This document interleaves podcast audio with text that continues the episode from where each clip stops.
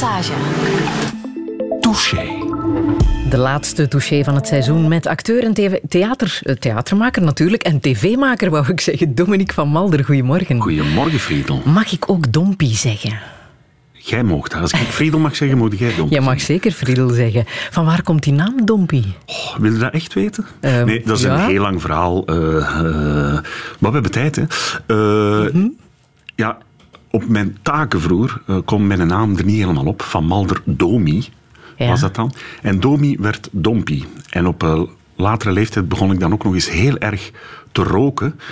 Ik was een kettingroker. En Doempie dus dat was. Doempie, Dompie, voilà. En Ah. eh, ik dacht, de theaterschool, ah, ik ben gelukkig van die Dekselse bijnaam vanaf. Maar toen ging er ook iemand theater studeren eh, uit mijn streek. En die zei, hey, Dompie. En voilà. Het was vertrokken. Het was vertrokken. Ja. Rook je nog? Nee, al lang niet meer. Al 30 kilo niet meer. Deze week gaat eh, jouw tv-serie eh, Albatros in première op Telenet, eh, Play en volgend jaar ook op Canvas. Ben je daar nu nog zenuwachtig voor? Want je hebt een hele persweek achter de rug, hè? Ja, zenuwachtiger, zenuwachtiger, voilà. Ik kan al niet meer babbelen van de zenuwen. Nee, dan theater, want bij theater zijt je heer en meester op het podium.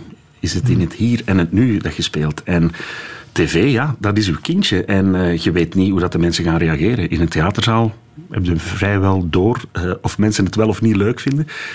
En bij tv kun je daar niks meer aan doen, want het is afgemonteerd. Dus dat is ook een Heel beetje lang griezelig. aan gewerkt, hè? Ja, absoluut. Ja. We zijn daar eh, samen met Wannes de Stoop, eh, heb ik dat geschreven. En Wannes heeft het ook geregisseerd. En we zijn daar vier, vijf jaar geleden eh, mee begonnen. Ja. En dan eindelijk mag het getoond worden. Ja. We gaan het er straks uitgebreid over hebben. Hoe zou jij jezelf omschrijven? Goh, ja, als een ehm, speelse, melancholieke jongen.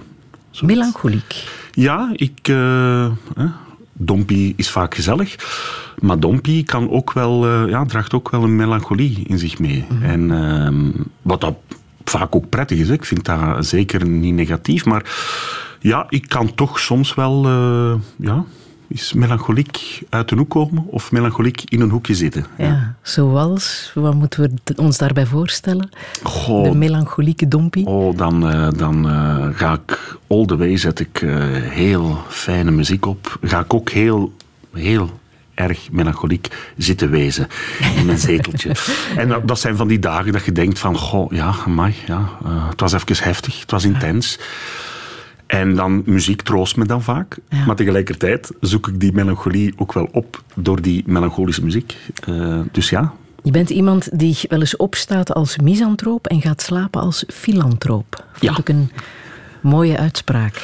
Ja, vaak. Hè. Eh, laat ons wel wezen. eh, de naardkloot, we moeten dat hier toch soms beter regelen, vind ik. Hè. Wat mensen elkaar aandoen, is vreselijk eigenlijk. En eh, ja, s ochtends kan ik ook wel opstaan met "Goh, de mensheid, het is me wat. Maar ja, Ik ben wel blij dat het in deze volgorde gebeurt. dat je opstaat ja, als voilà. misantroop en naar bed gaat als filantroop. Dan kom je toch overdag een paar mensen tegen die het dan toch weer goed hebben gemaakt voor jou. Voilà, eigenlijk. En, en dat is zo. En, en ja, ik vind het een privilege om te mogen doen wat ik doe, namelijk theater maken of televisie maken met fijne, warme mensen. En ook mensen, ja, een verhaal eh, laten proeven, dat is toch wel heel fijn. En dan denk ik van, het valt toch nog een beetje mee met de mensheid. Ja, Je bent ook iemand die houdt van zowel hoge als lage cultuur. absoluut. Ja? Zeker, ja. Ja, ik ben een arbeiderskind, hè, dus ik ben echt opgegroeid ehm, met Radio 2. We hadden drie platen thuis. Eh, ABBA, Elvis en Gaston en Leo. Eh voilà. Tot zover mijn culturele bagage. Eh, dus ja, ik ben daarmee opgegroeid. En eh, ja, ik was ook een kind dat eh, ja, Paul Jong playbackte. En later ook Wem. Dus op mijn eentje. Dus ik, ik ben wel echt opgegroeid in een soort van playback-cultuur. En ja, mijn ouders hadden het niet breed.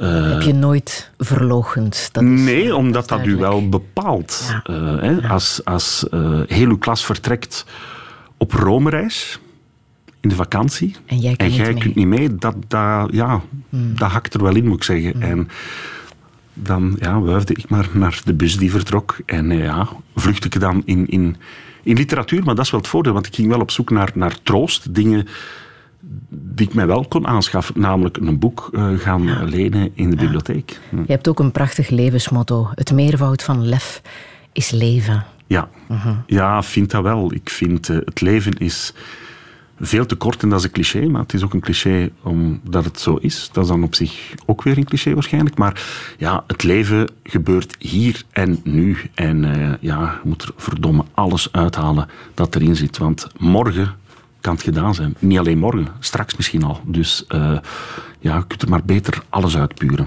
Ja. Jij puurt graag alles uit een microfoon en een koptelefoon. Uh, hier heb je beide. En ik mag vandaag de Radio Gaga plaatjes spelen voor jou. Dominique van Malder, welkom in Touché. Radio 1. 1. Friedel Massage. Touché.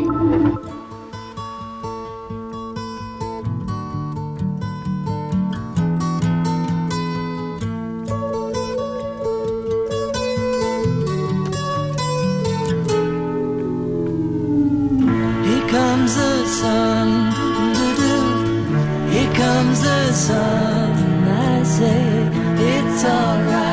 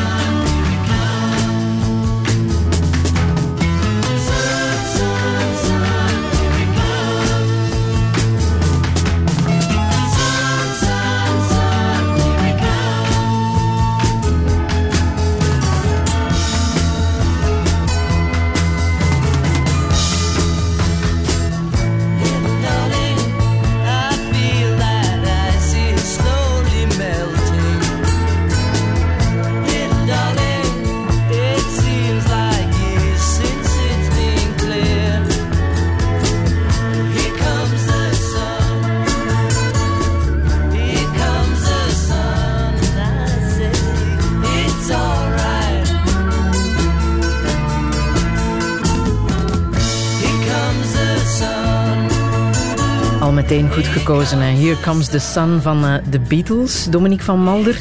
Ik zeg het er meteen bij, je had keuzeverlamming ja. toen je je muziek moest kiezen. Vreselijk. Moeilijk, moeilijk, moeilijk. Ja, omdat ja, ik kan opstaan, uh, mijn lied in mijn hoofd en twee seconden later is er weer een ander lied. Dus dat, mijn, mijn muzieksmaak is ook zo dagbepalend uh, of uurbepalend. Dus ik keuzeverlamming. En ik heb ook nog gemerkt, nee, maar doe toch maar dat nummer. Of dat, ja, maar de Beatles, ja, sorry. Verplichte kost, sorry. Voilà, het is, het, het is gedraaid. Hè. Oh, We kunnen niet meer terug. Deze week gaat Albatros in première. De serie waaraan je zelf hebt meegeschreven, meegewerkt en waar je ook een personage in speelt, mhm. Raf. Een serie over obesitaspatiënten die op dieetkamp gaan in de Ardennen. Mhm. Ja, ik wil vragen, hoe is het idee ontstaan? Maar dat antwoord kan ik al een beetje raden. Ja. Heb je naar jezelf gekeken in de spiegel? Goh, ja. Uh, ik, laat ons zeggen dat ik op gespannen voet leef met de spiegel.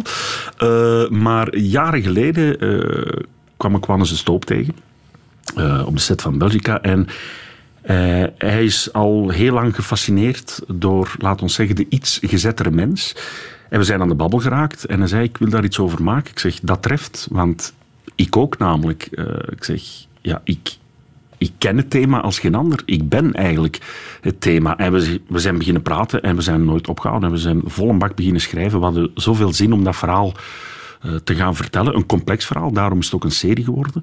Eh, een achtdelige serie. Ja, en ja, dat was heerlijk om al mijn demonen te kunnen verspreiden over enkele personages. Ja. Het zijn tien obese acteurs die meespelen. Hoe moeilijk was het om aan collega-acteurs te vragen... Wil je meespelen in een serie over dikke mensen? Want dik zijn, dat speel je niet, dat ben je. Ja, uh, dat is ons kostuum. Hè. Ik bedoel, ah. we, kunnen niet, uh, we kunnen niet spelen dat we mager zijn, alleen in het hoofd.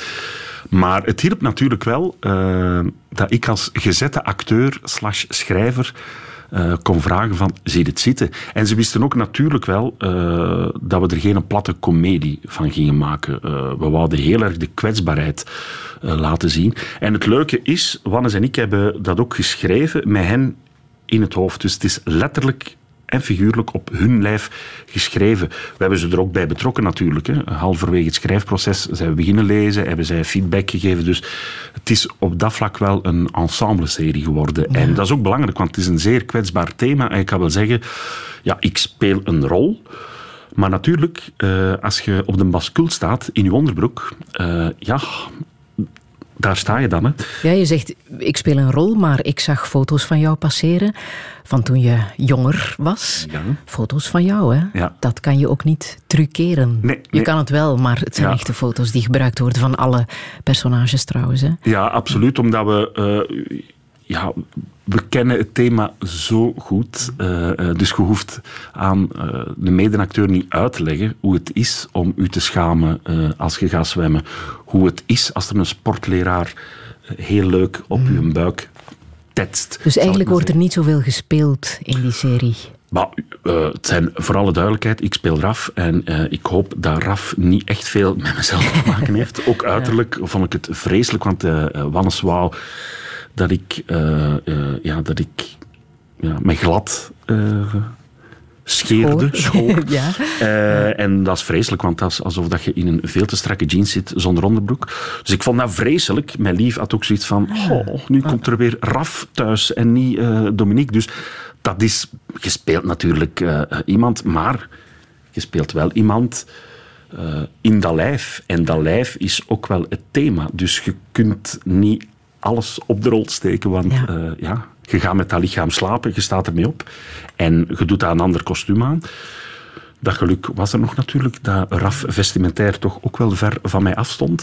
Uh, maar ja, het kostuum zijn de kilo's ook. Hè, dus, uh, ja. Wat je zegt, hè, het gaat nog meer over de demonen die in het hoofd spoken dan over het gewicht op de weegschaal. Wat zijn zo de demonen bij uh, gezette mensen? Maar dat, dat, de demonen hebben veel gezichten. Hè. Ehm, ik, ik, heb ooit een boek gelezen, vond ik een heel straf boek, uh, van Roxane Gay. Dat is een, um, een Amerikaanse journaliste. En uh, zij heeft een boek geschreven uh, waarom dat ze eigenlijk zo'n fort van een lichaam, een fort rond haar ziel heeft gebouwd. Een kasteel. En zij werd op haar veertiende verkracht. En sindsdien had zij iets van, kijk, ik wil mij lelijk maken door te verdikken zodanig dat mannen zo'n dingen niet meer met mij gaan doen. En tegelijkertijd wil ik echt een sterk fort rond mij bouwen. En uh, dat is natuurlijk zeer traumatisch.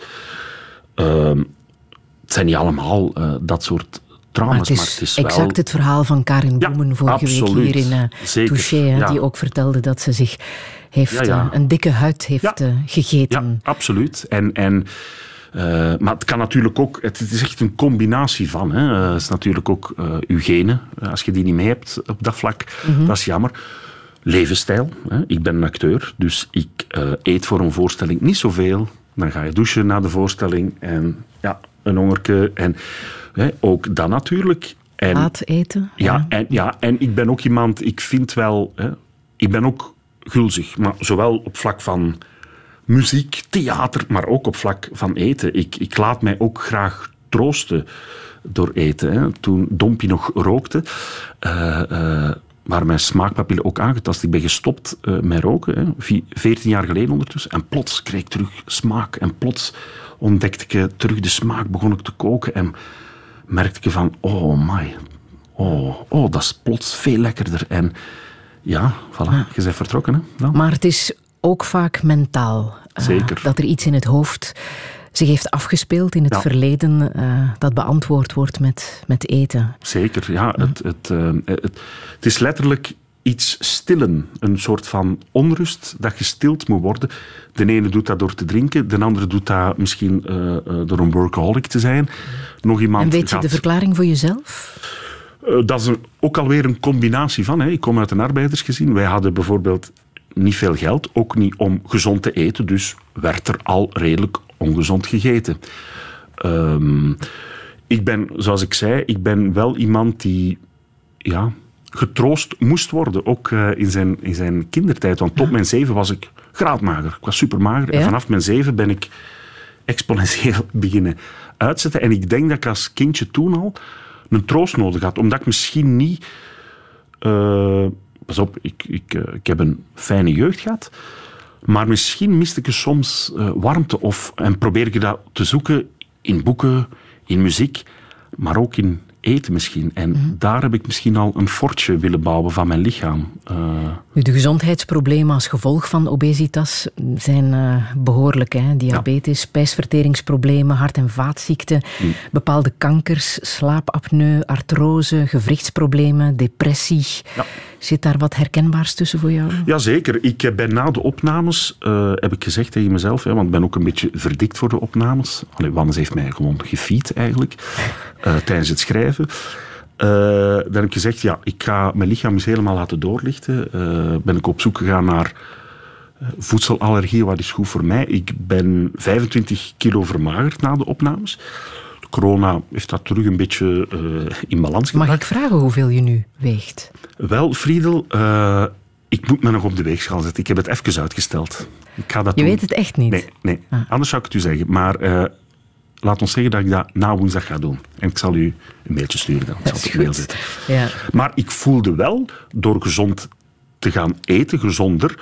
Ja, wat dat dan natuurlijk doet met je lichaam. Hè. ik had dan altijd... Um, ik had gezond en om de twee weken ging ik eens, uh, iets ongezonds doen. En uh, dan ging ik een bikkeburger eten en ineens voelde ik wat dat deed met dat lichaam. Ineens kreeg ik me daar een klop van de namer. Dus ja, dan voelt je wel wat ongezond voedsel met je lichaam doet. Maar niet alleen met je lichaam, hoe je daarop reageert, hoe je moe wordt. Hoe je... Ik ben ook veel fitter uh, geworden. Dus ja, dat is natuurlijk ja, heel belangrijk. Maar zit hem natuurlijk ja, eerder in het kopje dan in het buikje. Mm. Ik las dat obesitas uh, 3,6 miljard aan ziekteverzekering en ziekteverzuim kost. Mm. Heb jij een tip voor de overheid hoe daar iets kan aan gedaan worden? Ja, natuurlijk. Gezond voedsel is natuurlijk uh, ja, veel duurder. Hè? Dat is gewoon een feit. Uh, Hoewel er ook gezegd wordt, ja, water komt uit de kraan. En dat is altijd goedkoper dan een cola. Ja, maar er wordt ook gezegd uh, dat er in dat water misschien toch ook wel ongezonde uh, dingen zitten. Maar natuurlijk, ik weet, hè, gezond voedsel is natuurlijk duurder. Maar op termijn natuurlijk ga je ook minder moeten uitgeven hè, ja. aan dokterskosten. Dus eigenlijk valt dat best wel mee achteraf.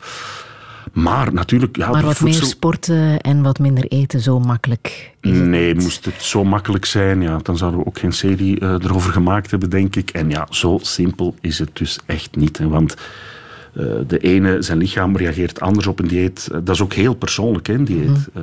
niet elk dieet werkt, is standaard. Dus nee, zo simpel is het niet. Hoeveel diëten heb jij al uitgeprobeerd? Oh, ik heb vanaf mijn 18, het bloemkooldieet, het crashdieet. Ik heb, ja, ik heb er best wel veel gedaan. En eigenlijk, als je gezond nadenkt, ja, het gaat eigenlijk over een klik in je hoofd. Hè.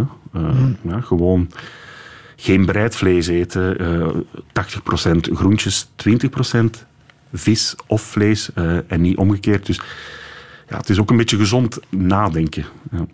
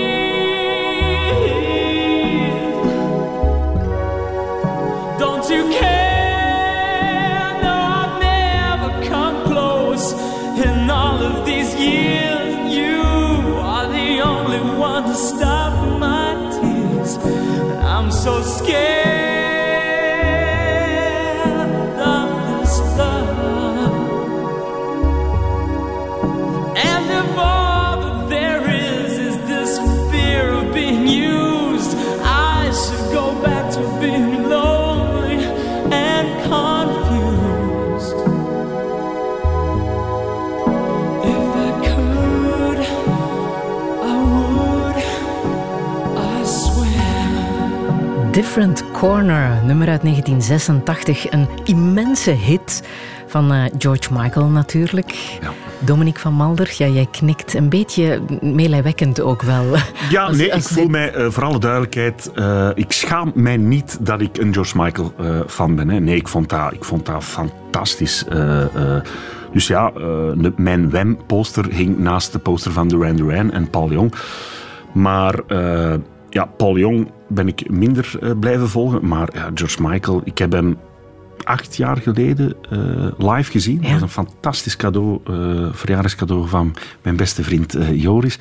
En dat was ongelooflijk. Dat was een onwaarschijnlijk concert in Vorst Nationaal. Het is de enige zanger die Vorst Nationaal heeft kunnen bedwingen met zijn Ja, stem. Het was fenomenaal. Zwaar onderschat zanger, vind ik. Want ja, George Michael, dat moet je toch niet goed vinden. Hè? Dat is cheesy. Dat is wel Maar vier jaar geleden heel triest gestorven natuurlijk Ja, op eh, ja, kerst. kerstdag. Hoe was dat voor jou om dat te horen? Goh, Vreselijk. Maar hoe gruwelijk kan het lot zijn om George Michael te laten sterven op kerstdag, eh, Last Christmas? Hè? Natuurlijk, ik zag de koppen ook al, maar ik was daar heel erg door gepakt, eh, meer dan dat ik had verwacht. Eh, ik las dat en ik, was, ik, ik zie mezelf nog zitten aan mijn laptop. Eh, ik las dat en ik was, ik was zo aangedaan. En het eerste nummer dat ik heb opgelegd was Different Corner. en troost. ik ben beginnen huilen. Ja, Ja. In dat melancholische hoekje waar dat Dompie af en toe in zit. Ja, dat, Zeg, die kamer waar die drie posters hingen. Ja, kan je die omschrijven? Zeker. Dat was ook een gedeelde kamer hè, eh, met mijn broer. eh, die was minder fan van Wem. Eh, maar dat, ja, dat was een redelijk armoedige kamer. In die zin, eh, eigenlijk sliepen wij allemaal op één grote kamer. Met je Ja, ouders? dus daar stond een kast in. Ja, eigenlijk best wel armoedig hoor. Eh, mijn broer is dan iets later, hè, toen de hormonenmafia in zijn lichaam huisde, is die naar de zolder eh, verhuisd. Eh, kreeg ik een kamer alleen. Hè. te delen nog natuurlijk met mijn Met ouders. ouders, ja. En de kast die in het midden stond. Maar ja, dat was wel een... ja, Je hebt het ooit vergeleken met de helaasheid der dingen, hè? ja, ja, ik, waar we ondertussen een beeld kunnen bij vormen. Gaat het echt zo ver? Eh, ik, eh, mijn vader komt uit een gezin van elf, een heel groot gezin. En eh, binnen dat gezin gaat dat eigenlijk van een ja, de, ja, professionele toogzweer tot een dokter. En alles zit daarin van klasse. Maar ja, mijn ouders hadden eigenlijk ook niet... Hè, zij, zij werkten in, in, in de fabriek. Zij hebben op jonge leeftijd al moeten gaan werken om mee dat groot gezin te onderhouden. Mijn mama komt ook uit een groot gezin. Dus zij hebben eigenlijk nooit kansen gehad om zich te ontplooien, omdat zij op hun veertien al eh, ja, moesten werken. Mijn mama was ook een tienermoeder. Hè. Ze was 16 toen ze mijn broer kreeg. Ze was 20 toen ze mij kreeg. Dus ja, dat is wel heftig natuurlijk. Eh, En was je je daar zelf van bewust als kind? nee, nee. Ik ben me daar eh, pas bewust van geworden toen ik zelf vader ben geworden. Dan, dan Dan pas. Ja, omdat ik, ik heb altijd een warme jeugd gehad en mijn ouders hebben mij altijd eh met liefde. eh, eh, mijn, ja, ze, ze hebben wel van mij gehouden, of ze houden nog altijd wel van mij, maar ik miste toch een bepaald soort warmte. En ze hadden niet de tools eigenlijk om, om gesprekken te hebben. Gesprekken die ik met mijn zoon nu heel erg wel probeer te hebben over gevoelens, over emoties. En ja, ik ben daar pas laat achter gekomen dat die jeugd van mij misschien toch iets minder warm was dan dat ik toen zelf dacht. En dat is ja, door papa te worden, dat merkte van, hé, hey, maar zo kan het misschien ook. En waar gingen de gesprekken dan wel over? Was bijvoorbeeld het feit dat er geen geld was een gespreksonderwerp? Werd daarover gepraat? Werd dat benoemd? Goh, ehm, ik, ik, bijvoorbeeld, hè, ik was, ehm, doordat ik natuurlijk wel vaak las en zo, eh, wa- was ik, eh, en omdat ik me moest verdedigen als dikkertje op de speelkoer, was ik best wel mondig. En ik wou, eh, ik wou heel graag Latijn-Griekse gaan doen. en mijn vader natuurlijk had zoiets van, maar nee, nee, je bent een arbeiderskind, dat is voor dokters, kinderen, nee, nee, nee. Ik heb dat toch gedaan en ik zal nooit vergeten, ik... ehm, ik ben daartoe gekomen in de klas, de eerste Latijn-Griekse, en ik heb me direct verontschuldigd. Ik zeg, sorry dat ik het ben. Sorry. Nee, maar ik ga het wel proberen. Ik heb zes jaar Latijn-Griekse gedaan. Ik vond het fantastisch. Ik ben blij dat ik dat gedaan heb. Maar ik wil maar zeggen, de nederigheid eh, waarmee dat mijn ouders zijn opgegroeid en dat mee hebben doorgegeven, ja, dat heeft er best wel ingehaakt. En ik, ik, ik heb me vaak verontschuldigd, terwijl het dat helemaal niet hoefde. Vanuit die nederigheid, vanuit het feit van, ja, sorry dat ik hier ben. Eh, en ja, dat is iets dat wel mijn jeugd bepaald heeft, meer dan dat ik zelf op dat moment door had. Ja. Arm zijn, een dikkertje zijn, zeg je zelf. Dat lijkt me moeilijk om de populairste van de klas te zijn. Hoe ging dat op school? Ja, ehm, dan moet er natuurlijk met iets anders opvallen. En eh, ik had de reflex van... Goed, ik zal ik als eerste de mop maken over het feit dat ik dik ben. Dan gaan die anderen dat al niet meer doen. En dat werkte ook, want ik, eh, ik was misschien niet de populairste, maar ik was wel de grappigste van de hoop. Ze vonden mij heel grappig. Maar dat maakt natuurlijk dat je jezelf heel de tijd zit te tackelen. Van, hahaha. en de leraars deden dat ook nog eens. Terwijl ik ben nooit echt gepest geweest, want ik, ik, op dat vlak was ik wel mondig. Maar na een tijd, en dan heb ik het over heel lang, ja, krijg je ineens bezoek van je zelfbeeld. Hè? En die zegt van, Dompie, wij moeten eens praten, hè, man. Want als je jezelf heel de tijd neerhaalt, gaan mensen ook zo beginnen kijken eh, naar u. Van, ah ja, inderdaad. Hij zegt het zelf dat, dat een dikzak is. Dus ik zal dat ook wel mogen zeggen. Dus ik mag er ook wel mee lachen. En humor mag, hè. Ik vind humor... Humor is tof. Humor is leuk. Eh, maar, maar ja, als uw zelfbeeld daaronder begint te lijden, dan zit er misschien wel mijn probleem. En in combinatie met eh, een arbeiderszoon zijnde, ja, was mijn zelfbeeld eh, ja, heel laag en nederig. En het sorry dat ik hier ben gehalte was echt heel hoog eigenlijk. En ik heb daar lang over gedaan om dat in te zien eigenlijk. En hoe heeft jouw broer daarop gereageerd? Ja, eh, ik had zoiets van, oké, eh, ik heb mijn ouders heel hard zien werken voor heel weinig geld. Ik had zoiets van, later ga ik doen wat ik graag doe. Ik hoef daar niet per se rijk van te worden. Daarom heb ik gekozen voor het vak acteur. Mijn broer eh, die had zoiets van, nee, nee, ik ga het anders doen. Ik ga rijk worden, ik ga geld verdienen. En dat is ook gebeurd. Maar wij verstaan elkaar daarin heel, heel En wat is er dan van hem geworden? ja, hij zit eh, in de accountantwereld. Hij zit, eh, eh, maar hij hield ook van vakken waar ik absoluut niet van hield. hè. Wiskunde. Ik, ik, was, ik was verliefd op de taal, en, maar wiskunde en fysica. Maar hoe verschillend je je kan ontwikkelen. Ja, Als ongelooflijk. twee broers uit hetzelfde Ja, gezin. Ongelooflijk.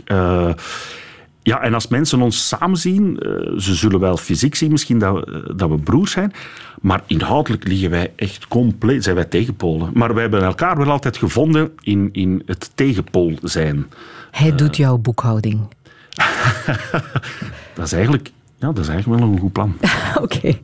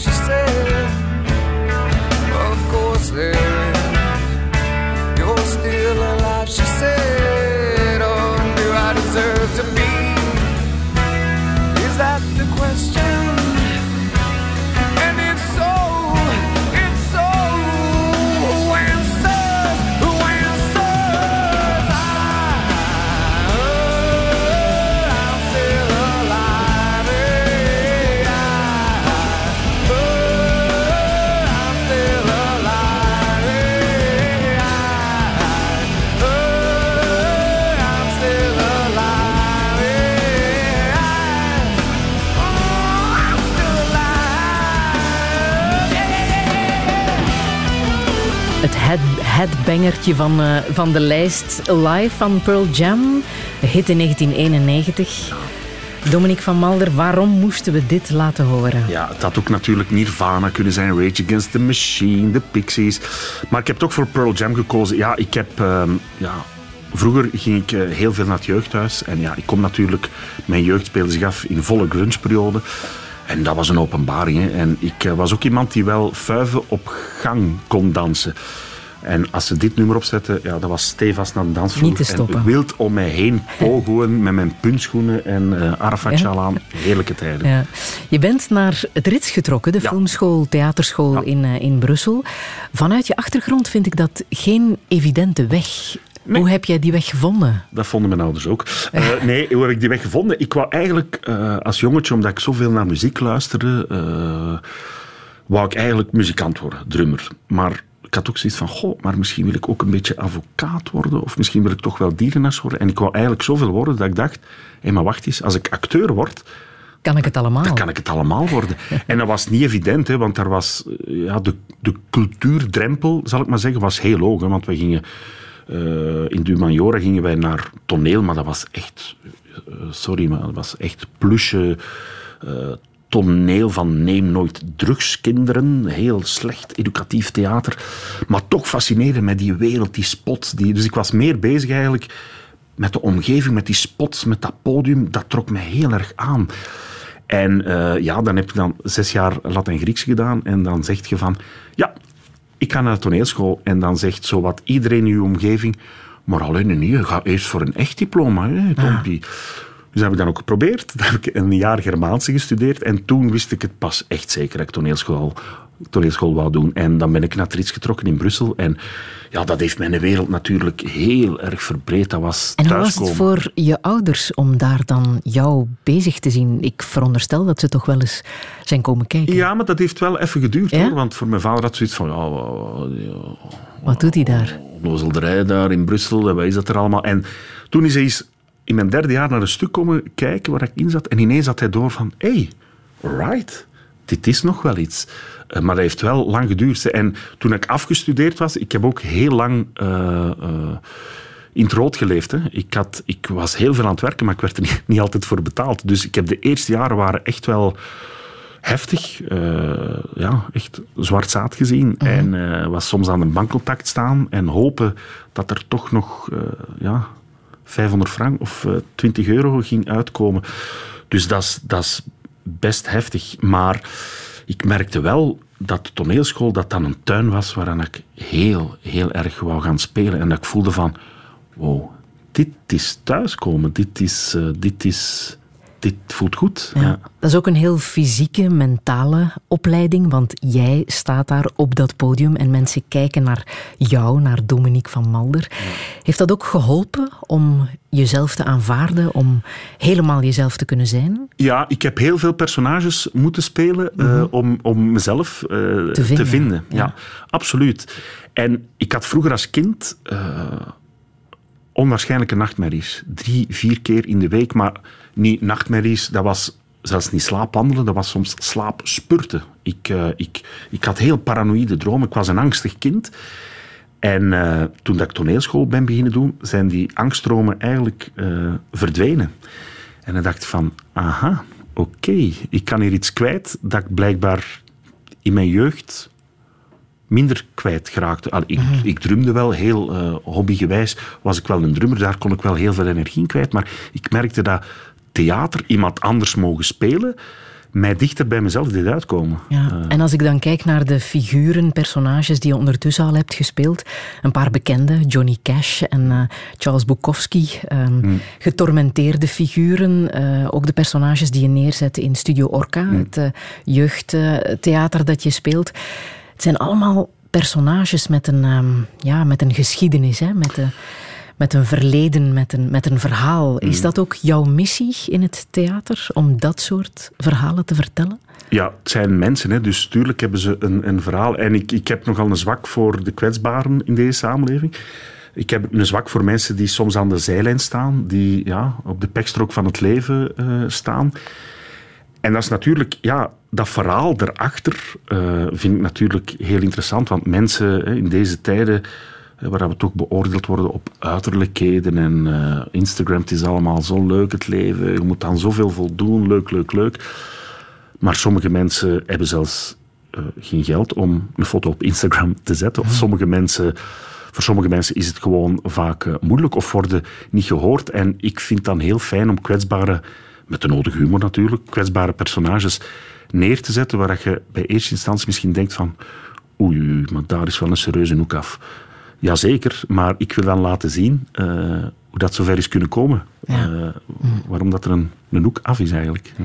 Studio Orca bestaat ondertussen 15 jaar. Hè? Ja. Het was de bedoeling om dat heel uitgebreid te vieren. Mm -hmm.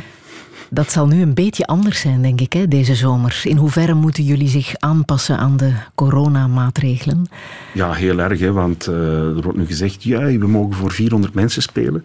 Buiten, want jullie hebben heel veel buitenproducties, ja. wat op zich klinkt als ja, wat een voordeel klinkt, bij Studio ja, Orca. Maar als je die social distance gewijs op de tribune moet zetten, ja, dan kunnen wij maar spelen. Uh, onze tribune bijvoorbeeld uh, voor Chas Patat, dat, dat gaat over 350 uh, mensen. En als we social distance gewijs die moeten plaatsen, komen misschien aan 70 mensen uit. Wie gaat dat plaatje betalen? Niet het cultureel centrum. Of ja. toch niet alle culturele centra. Dus dat klinkt leuk van, ja, we mogen spelen voor 400 mensen, maar in de praktijk is dat eigenlijk niet zo leuk. Dat is eigenlijk een beetje valse hoop. Tenzij dat je natuurlijk uh, een operahuis hebt, waar je natuurlijk 400 mensen kunt zetten, of tenzij dat je de Gelamco Arena afhuurt of het Kuipke, dan weer wel. Of uh, misschien moeten we ons volgende locatieproject wel uh, in een vliegtuig spelen. Uh, Want daar, daar mag, het wel. wel. Ja. Daar mag het wel. Dus voilà, gaan we misschien de volgende voorstelling van Studio Orca in een vliegtuig. Ja, ik voel toch veel frustratie ja, na die de, laatste veiligheidsraad. Het is de onzekerheid ook. Hè. Wij, wij, okay, we, hebben nu, uh, we gaan de zomer van Antwerpen Pentacordium spelen. Dat is uh, tweemaal daags voor 75 mensen, coronaproof. We gaan ook Lava hernemen, onze eerste voorstelling, ook uh, coronaproof in open lucht. Maar we weten niet uh, we gingen Chas Patat, Krakeleen ook spelen. Daarvan weten we dat gaat niet lukken. Waarschijnlijk, maar het is die onzekerheid.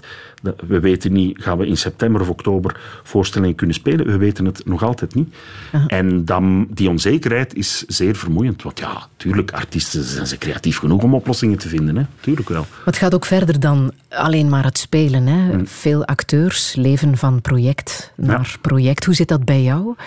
Ja, ik, uh, ik uh, ben vast lid van Studio Orca, maar Studio Orca heeft natuurlijk niet de centen om iemand uh, vast in dienst te nemen. Dus vast lid, niet. dat betekent je hebt gewoon een mentale verbinding, ja, geen voilà. contractuele ja, nee, omdat zelfs de, onze artistiek leidster Martin de Kroos kan zichzelf geen jaarwedden geven. Dat is, dat is absurd eigenlijk. Hè. Dus tuurlijk hoppen wij van project naar, naar project. Dat maakt ook natuurlijk levendig, hè, maar het is, ja, theater is best wel een heftig vak. En pas op, voor alle duidelijkheid, ik ga niet mopperen, want ik ben de meest gelukkige mens ter wereld omdat ik mag spelen.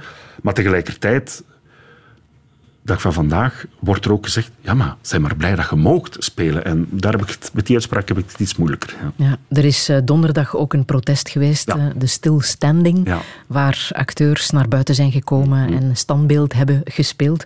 Ook applaus hebben gekregen. Heb je het gevoel dat sinds de discussie rond de subsidies, uh, mm -hmm. de, culturele, de cultuursubsidies, waarin zou gesnoeid worden, dat er meer begrip is gekomen voor hoe het bestaan van een acteur, van een kunstenaar er echt uitziet? Goh, ik, ja, ik weet niet of dat daar per se meer begrip is. Uh, er werd zo hard gesnoeid in, in de cultuursector. Uh, we hebben hard staan roepen. Mm -hmm. want dat kunnen we wel goed, hard, hard en luid uh, roepen. Er is een beetje naar ons geluisterd. En toen kwam corona natuurlijk. Uh, ja, handig, hand, handige, ja, handig virus. Hè, ja. om, uh, nog, Want mensen zagen alleen maar het applaus en het succes ja, en de, ja. de bekendheid. Ja, maar zo, allez, ik vind, ik ga niet liegen, ik, applaus is leuk. Maar je ziet natuurlijk altijd het resultaat van iets. En het is echt wel bikkelhard werken. zeker met Studio Orca bijvoorbeeld dat is in weer en wind, op locatie. Uh, maar het is fijn werken, maar het is wel echt bikkelhard werken om staande te blijven. Wij, alle acteurs, uh, technici, uh, wij gaan altijd in troot, ook financieel, omdat we het graag doen. Maar mm -hmm. ja, dat is, dat is... Allemaal voor het publiek. Ja, mm. maar pas op, het is heerlijk. Hè? Ik heb de leukste job die er bestaat. En hopelijk kan het snel weer, zoals ja, van ouds. Graag.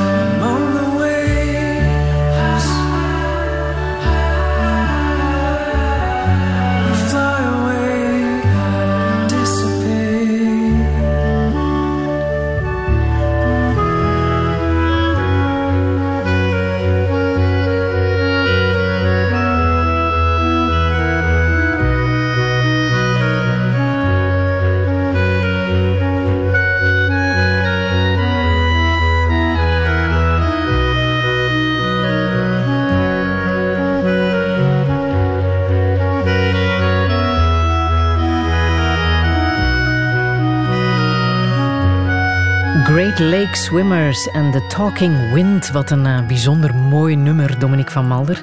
Melancholiek ook, hè? Ja, zeker. Oh, bij, dit nummer zie ik prachtige landschappen. Heerlijk. Ik heb het ook leren kennen door mijn lief. Ik kende het alleen van naam, maar ik vind het prachtig. Uh, het is, ja, heb je er ook een dansvideo mee opgenomen op dit nummer? niet, op, niet op dit je nummer. Hebt, je hebt met je lief een paar dansvideo's opgenomen in coronatijd. We moesten toch iets doen hè, om aan beweging. Dus ja, inderdaad. Uh, wij hebben, ja, wij hebben ja, een Kate Bush gedaan. En ja. Uh, ja, heerlijk in de living, tafel opzij en dans maar. Ja. En waarom, waarom heb je dat gedaan? Om mensen te inspireren? Goh, wij hadden daar zoveel zin in. Om, om, wij hebben dat gewoon gedaan. Uh, dat we zoiets hadden van, kom aan, kom aan met dat lijf, uh, swingen, dansen in uw eigen living, met uw lief, het is de max. En ik had van, oké, kom, we gaan dat nog eens doen. En dan nog eens. En mensen vonden dat wel, wel leuk, dus reageer erop. En ja, nu is het wel al even geleden. Misschien ja. moet er toch nog eens een dansvideo. Misschien op dit nummer, ja, wie weet. Wat heb je nog meer kunnen doen in uh, coronatijd, dat je anders niet doet? Ja, maar ik, ik, had, uh, ik had voor mezelf een iets rustigere periode ingebouwd, omdat ik zo hard aan het, aan het werken was geweest. Uh, maar we hadden wel de herneming van Studio Orca en ik ging eigenlijk heel veel projecten opzetten. ook fictieprojecten met Joris. Uh, human interest projecten. Nu heb ik dat wel ook kunnen doen. Er liggen heel wat projecten klaar. Maar we hebben bij Studio Orca natuurlijk ook wel heel hard moeten herplannen, herpuzzelen. Dus daar ging eigenlijk ook wel best veel energie naartoe. Waardoor ik niet altijd de dingen heb kunnen doen uh, die ik wou doen. Maar ik ben eigenlijk... Uh, ik heb, uh, de kamer van mijn zoon is een beetje een halve studio geworden. Waar ja. ik filmpjes opneem. Waar ik, wat ik schrijf aan, aan dingen. Dus ik heb... Ja, ik heb ik heb eigenlijk niet stilgezeten. Ik, heb, uh, ja, ik vertrok dan altijd in de keuken van... Uh, Oké, okay, uh, ik ga naar mijn werk. En ik was een trap op en ja. daar zat ik dan te werken. Veel gelezen ook? Te weinig, te ja? weinig. Omdat ik eigenlijk best wel veel aan, aan, aan het werk was. Dus ik heb nauwelijks kunnen lezen. Ja. Ah. En als je mag dromen over die volgende reis, waar gaat die naartoe in jouw gedachten? Oh, um, ik zou heel graag nog eens naar Canada gaan, Rocky Mountains. Um, Waar ben... deze muziek trouwens vandaan komt ja, in Canada. Ja, absoluut. De Rocky Mountains zijn zo geweldig. Ik ben er ooit naartoe geweest, uh, omdat we Radio Gaga moesten gaan voorstellen op een soortement van uh, internationale televisietreffen met al, alle, allemaal makers. En uh, ja, ik moest natuurlijk ook nog repeteren met Orca, dus ik had niet veel tijd om in Canada te zijn. Maar dan zijn we toch, uh, ben ik toch twee dagen langer kunnen blijven. En ze hebben naar Banff gereden, langs de Rocky Mountains, met Fleetwood Mac op. En ja, dat is, dat is fantastisch. Dus daar wil ik echt nog eens naartoe. als ik wat meer tijd heb. En de zee maakt mij ook altijd rustig. ik ben ook echt een zeemens. dat maakt mij ja, heel rustig ook. Dus en, maar ja, Dardenne ook. Hè. Dus ja, goh, ja, ik, wil, ja, ik wil overal nog naartoe. Ja. Um, ik wil nog uh, muziek laten horen uit uh, jouw favoriete film, Magnolia, van oh. Paul Thomas Anderson. Ja. Ja, je krunt al een beetje. Oh ja, ik was daar zo kapot van, van die film. Ja, kan je uh, uitleggen waarom? Het gaat over negen personages die ja. schijnbaar niks met elkaar te maken ja. hebben, maar als je het einde van de film hebt gezien. Ja, het is prachtig. Is er toch een gemeenschappelijke factor? Ja, absoluut. En, en die film gaat heel erg hoe dat mensen in die tranendal uh, staande proberen blijven. En is inderdaad gelinkt aan één bepaald figuur die die mensen eigenlijk uh, verbindt. En ik heb dat gezien nog in de cinema in Dendermonde. We hebben een geweldige cinema. Ik ben van Dendermonde. Hè, en ik, ik, en ik kwam uit de cinema en ik ben met daar een potje beginnen huilen. En ik had niet door wat gebeurt er. En Oh, ik vind zo'n geweldige film. Uh, nog altijd. Uh, en een geweldige soundtrack ook, hè? Amy ja. Oh, ja. man, man, man. Vooral door de film bekend geworden, ja, hè? Ja, Amy absoluut. Ja.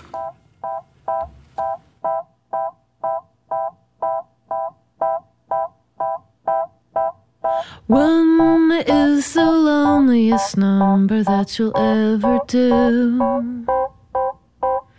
Two can be as bad as one. It's the loneliest number since the number one.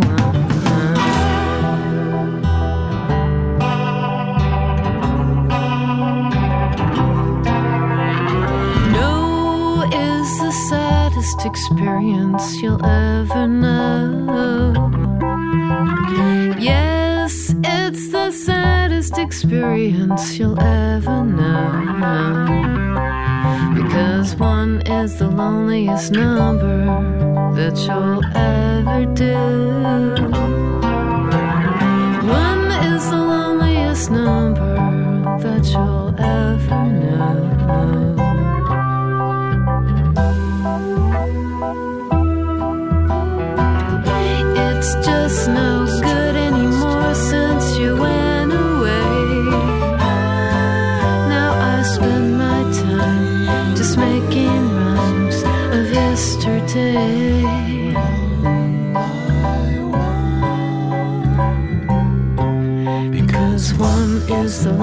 Loneliest number that you'll ever do.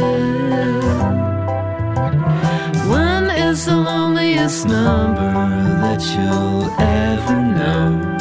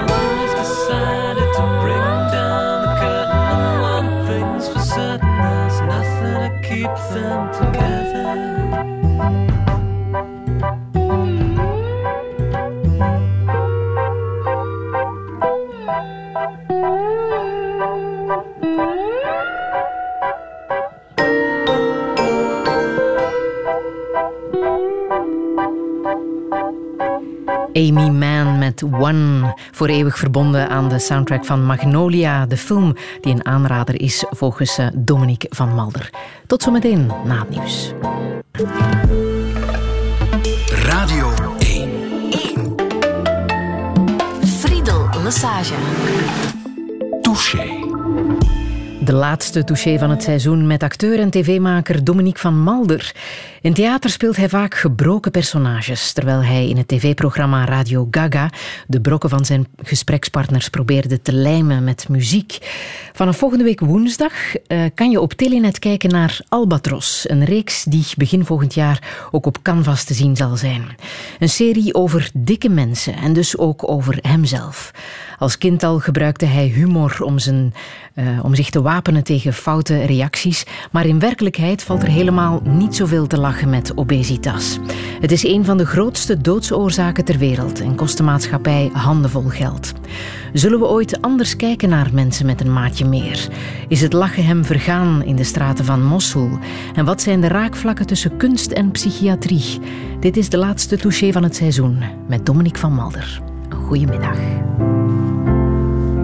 I don't believe in an interventionist God.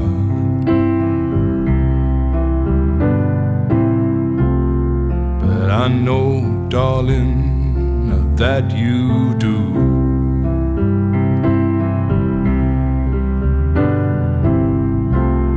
But if I did, I would kneel down and ask him.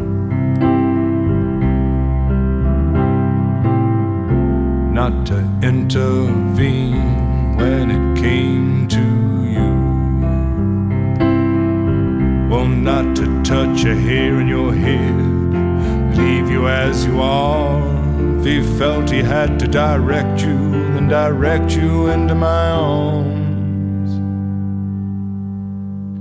Into my arms,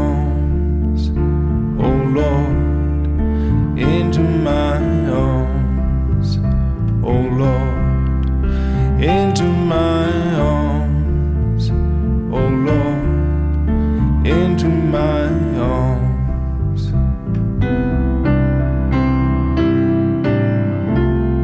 And I don't believe in the existence of angels.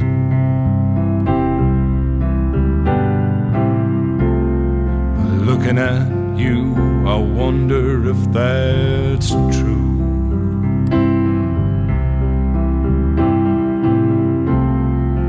If I did, I would summon them together.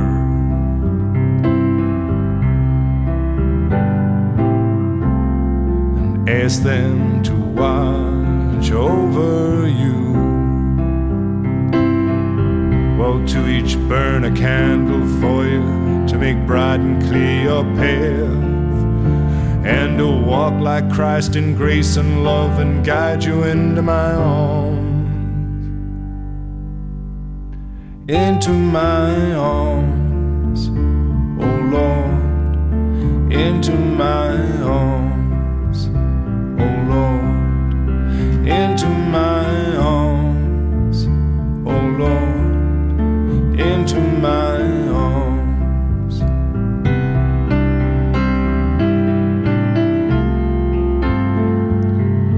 But I believe in love.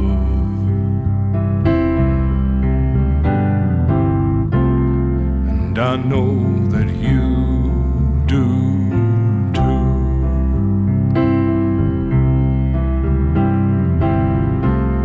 And I believe in some kind of path.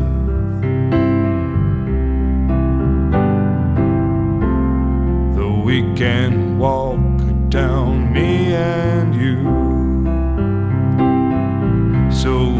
keep your candles burning, make a journey bright and pure, that you'll keep returning always and evermore. Into my arms, oh Lord, into my arms, oh Lord, into my arms, oh Lord, into my. Nick Cave en Into My Arms, Dominique van Malder. Het blijft een fantastisch nummer. Hè? Oh, En een geweldige man ook. zware fan van die man. Ja. Ja, mm, hij heeft jou ooit een held genoemd, Dominique. Ja, in de Roma in Antwerpen. Ja.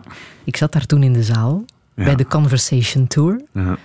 Hoe kwam dat ook alweer? Wel, wij waren aan het draaien met Albatros. En eh, ja, ik moest en zou daar naar gaan kijken, naar Nick. Eh, we hadden dat geregeld. Ik eh, ging met Janne naar de Roma rijden. En mijn lief ging achterkomen met een trein. En op de weg terug, van de Ardennen naar, naar de Roma, krijg ik telefoon van mijn vriendin van oei, ik heb mijn voet omgeslagen en ik kan hem er bewegen. Ik had zoiets van, ja, ik moet naar huis. Dus ik heb Janne afgezet aan de Roma. Ik heb mijn kaarten verpatst aan Geert van Rampelberg. Die was heel blij. En Janne eh, mocht een vraag stellen, blijkbaar. En eh, ze legde uit van, ja, kijk, eh, mijn vriend Dominique zit nu bij zijn lief Netflix te kijken. Hij heeft voor haar gekozen en niet voor de heer Nick. En toen sprak Nick de gevleugelde woorden in de Roma. Dominic is a hero. En ik kreeg plots sms'jes eh, van mensen van, ik weet niet of dat je het weet hoor, maar Cave heeft u een hero genoemd. dus er kan mij niks meer gebeuren in dit leven. Maar jij begreep eerst niet Nee. waar dat vandaan Nee, kwam nee. natuurlijk. Ja. Maar het is echt waar, ik was daar getuige van en het- hij heeft jou echt een, eh, een hero genoemd. Maar zijn Conversation Tour was natuurlijk wel het toppunt van hoe je met cultuur, met muziek eh, verbindend kan werken. Hè? Ja, ik vond dat ongelooflijk. Eh, dat zo'n artiest. Want je bent uiteindelijk wel gaan kijken. Ja, in de eh, Bosare, een jaar later, eh, moest, ik, moest ik en zou ik er zijn. Eh, ik kon hem zelfs ruiken, eh Nick Cave. Eh, viel best wel mee hoor. Maar ja, ik vind dat ongelooflijk hoe een artiest effectief verbinding zoekt met zijn publiek. eh, vragen laat stellen, probeert te antwoorden. Ook, ja, hij heeft natuurlijk een vreselijk iets meegemaakt. Hij is zijn zoon verloren. Ik vond dat onwaarschijnlijk om zo'n krachtige mens te zien en tegelijkertijd ook kwetsbaar te durven zijn. Ik vond dat fenomenaal. Dat heeft mij zo hard getoucheerd. Ja, En zelfs ook eh, humor, hè? ja maar humor is zo belangrijk Tour. daarin. Ja, ja, dat is... Ja, ja, als er één iemand dat kan, dan is het Nick Cave. Ja. Ehm, ik wil even een, een, een switch maken naar eh, Black Lives Matter. Mhm. Als het gaat over humor bijvoorbeeld, eh, zijn er behoorlijk wat humorprogramma's eh, gecensureerd. Ja. Little Britain is niet meer te streamen. De Germans aflevering van Faulty Towers was Ja. aanvankelijk geschrapt. Nu kan je het nog wel zien, maar met een waarschuwing op Mm. de streamingsplatformen. Zijn dat juiste beslissingen? Waar ligt voor jou de grens? Wanneer mag er gelachen worden, wanneer niet? Ja, ik vind dat er best heel veel mag en moet eh, gelachen worden. Nu, wij moesten vorig jaar, eh, gingen wij Krakelé gaan spelen in Manchester. En eh, op een gegeven moment de rol wordt gespeeld van een, eh, eh, meisje, eh, Stella, door Ilse de Koe. En op een gegeven moment in het verhaal, eh, het is een, een, een, heel episch eh, verhaal, over 80 jaar, belandt zij in een rolstoel. En in Engeland eh, vonden ze het niet kunnen dat die rol gespeeld werd door Ilse de Koe, omdat zij niet in een rolstoel zat. En wij waren natuurlijk in shock van, eh, wacht hoor, moeten wij Ilse nu vervangen eh, door iemand die effectief in een rolstoel eh, zit? Eh, we zijn beginnen praten eh, ja, met die organisatie en dat was heel veel heen en weer gemeen over thema. Dus ik vind het heel goed dat kwetsbare groepen vertegenwoordigd moeten worden. Dat vind ik alleen maar goed.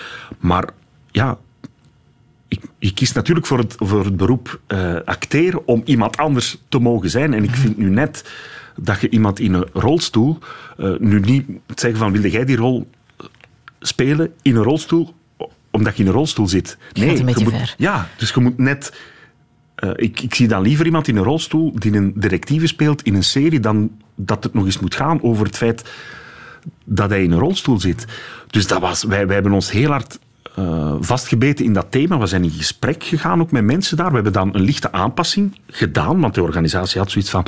Nee, als jullie dit op deze manier spelen, gaan jullie gelyncht worden door het publiek. Dat ging heel ver. En toen dacht ik van, hey, oh, eh, hier klopt iets niet. De slinger is heel erg eh, naar de andere kant opgeschoven. En pas op, ik ben de eerste. Ik vind dat we ook... kwetsbare mensen stem moeten geven. Maar dat begint ook al in de toneelscholen natuurlijk. Eh, eh, eh, toneelscholen moeten ook natuurlijk allerlei mensen aannemen die niet alleen blank zijn en valide zijn. Tuurlijk wel. Dus daar begint het eigenlijk. Maar laat ons dan vooral niet hen laten spelen, want dat zal in het dagelijks leven zijn. Maar eh, daar moeten toch ja, kunnen doorkijken, denk ik. En om, ja... Faulty Towers te schrappen, dat vond ik niet één brug te ver, maar een aantal bruggen. Ja. Terwijl ik de eerste ben om, eh, uiteraard, eh, moet er gereageerd worden naar kwetsbare groepen, eh, minderheden. Absoluut. Dat moet ook een weerspiegeling zijn, vind ik, in ons werk. Absoluut. Maar er zijn ook wel grenzen aan, natuurlijk. Ja, mag er gelachen worden met dikke mensen? Tuurlijk wel. Tuurlijk mag er gelachen worden. Maar er mag ook iets ondertussen iets anders verteld worden. Met Albatros proberen we natuurlijk... eh, het is heel grappig waarschijnlijk om een dikzak door een stoel eh, te zien zakken. Dat kan, maar dan moet er wel nog iets tegenover staan natuurlijk. Het, is, het mag niet enkel de platte visuele komedie worden van haha, kijk, Dikkert eh, gaat op de grond. Nee, je probeert dan ook wel een verhaal te vertellen over die Dikkert. En tuurlijk mag er gelachen worden, want als je lacht, dan kun je ook misschien iets later wenen. Dan, dan zijn die spieren in je gezicht al wat aangewakkerd. En dan kan ook eh, de traanklier slash Maar ik kan mij voorstellen dat de lach omwille van je gezetheid al wel eens pijnlijk is geweest. Absoluut, zeker. Eh, ik zal nooit vergeten, eh, in, het, lager, hè, rond de paasperiode, ja, katholieke school, dus ja, we gingen een paasspel spelen. En uiteraard, ik speelde toen al graag, dus ja, ik wou natuurlijk wel Jezus spelen. Wel ja, daar stond ik dan eh, in mijn dik lichaampje, eh, gezwachteld met een lendendoekje. En ja, toen vond de leraar het wel heel leuk om even in mijn borsten eh, te nijpen van ha, Jezus met obesitas. Ja, dat is A, een hele flauwe mop. En B, ja, als kind van 11 jaar, eh, die door zijn leraar eigenlijk eh, voor schut wordt gezet door heel de klas, dat heeft niks meer met humor te maken Nee, natuurlijk. dat kan niet. Nee. Je bent, ehm, ik denk vorig jaar met Rudy Franks naar Mosul getrokken Ja. in eh, Irak voor het programma Tussen Oorlog en Leven. Wat nog altijd te zien is trouwens op VRT Nu online. Ehm, heb je daar kunnen lachen? Want dat is natuurlijk erger dan fictie, hè? Ja. die realiteit. Dat was berenheftig. Eh, ja, toen is het, ons het lachen wel echt vergaan hoor. Eh, op een gegeven moment, eh, wij kwamen aan in dat verwoeste deel van Mosul en ik keek naar Joris en ja, wij hadden geen woorden meer nodig. Dat is denk ik een van de weinige momenten waar dat humor ons even op die moment niet kon redden. Eh, Dat was alleen stilte tussen ons, omdat wij ons echt op een set voelden eh, van een oorlogsfilm. En dat was zo aangrijpend, dat beeld. En je denkt dat te kennen hè, via het journaal. Maar als je daar staat terwijl er nog IS-skeletten liggen, terwijl er de geur van lijken nog altijd ruikt, dat is heftig. En dan is de humor even heel ver weg. Je hebt zelfs een eh, schietincident ook Ja, meegemaakt. Hè? ik heb mijn record eh, 100 eh, meter eh, spurt eh, verbroken op dat moment. Ja, absoluut. Eh, vanuit het niks werd er ineens plots geschoten. Was een... Dat decor, denk ik, ik zou het niet overleven. Nee, ik was, ik was aan het shaken dat geen naam had. En ja, het was blijkbaar, het ging over een akkefietje. Ze hadden nog een IS-skelet gevonden en de mensen daar waren een beetje aan het discussiëren, wat gaan we ermee doen? En toen is er iemand beginnen schieten, want daar lopen nog altijd natuurlijk gewapende mannen rond. Dus wow, dat was eh, ja, heftig. Ja. Je hebt er ook bijna een jongetje geadopteerd. hè? Och, mannen, mannen, mannen. Dat was onwaarschijnlijk. Ik ben nog nooit in no time zo ontroerd geweest als toen. We stonden eh, bij een gebouw, een ex-gebouw, want dat lag in puin, waar vroeger eh, onder IS-regime homoseksuelen van tak eh, geworpen werden. En in dat puin dook plots een jongetje op dat eigenlijk op zoek was naar oud ijzer om te kunnen verkopen. Zijn papa was omgekomen, eh, hij had enkel nog zijn mama en hij moest de man spelen. Hij moest een man van acht spelen. Hij moest oud ijzer gaan ophalen om te verkopen, om zijn gezin te onderhouden. En ik, ja, ik, ik was daar zo, zo door gepakt. Eh, ja, ik, ja, als ik, erover, ver- ik krijg teruglastig. Dat was zo, eh, zo. En eh, ja, ik, ja, dan, dan besef je dat je in het juiste werelddeel bent geboren. Ik, dat iemand van acht jaar fucking oud ijzer moet verkopen om als gezinshoofd te moeten optreden, dat was zo heftig. En dan gaan wij hier een beetje ja, zagen van, goh ja, het is toch, het is toch allemaal iets hier. Goh, nee, ik denk het niet. Als je daar staat, dan is... Je bent met dat eh, jongetje een Bikkie Burger gaan eten. Hè? ja, een, een Syrische bikini. Ja, ja. Maar wat ook bijzonder was, eh, is dat de mensen eh, elkaar troosten met muziek. Hè? Met Ja, samen zingen. Ook daar weer. de cirkel is rond. Ja, dat was ongelooflijk, want we zijn daar ook een radiostudio in geweest. Ik ben daar nog altijd eh, een van de stemmen. Eh, you can still listening to Radio One. Ja. We hebben daar een jingle opgenomen. Dat was ongelooflijk hoe tegenover dat puin er ook zoveel mensen vol hoop staan die zeggen van wij moeten een radiozender oprichten, wij moeten freedom of speech kennen. Eh, dat is ongelooflijk. Dus dan is er toch ook wel echt hoop. En ik was heel erg blij dat we die kant ook gezien hebben, want wij dachten op dag één van waarop hebben wij ja gezegd? Zoveel doffe ellende. Eh, Maar we hebben ook heel veel hoopvolle mensen tegengekomen en fijne muziek.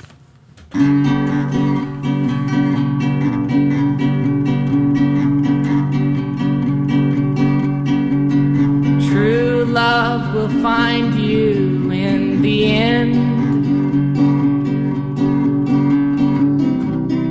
You'll find out just who was your friend. Don't be sad, I know you will. But don't give up until true love will find you in the end. This is a promise with a catch.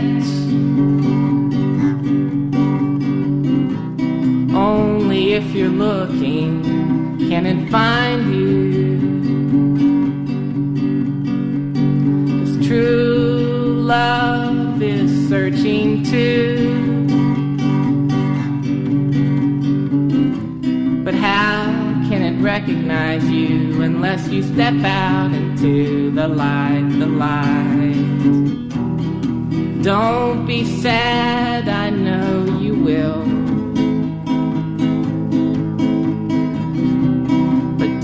Give up until true love will find you in the end.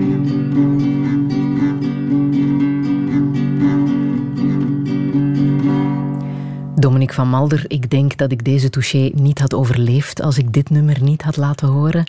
Daniel Johnston met True Love Will Find You in the End. Omwille van Daniel Johnston, want dat is een bijzonder figuur. Ja, hij is zo'n heerlijke man. Hij is, hij is jammer genoeg overleden.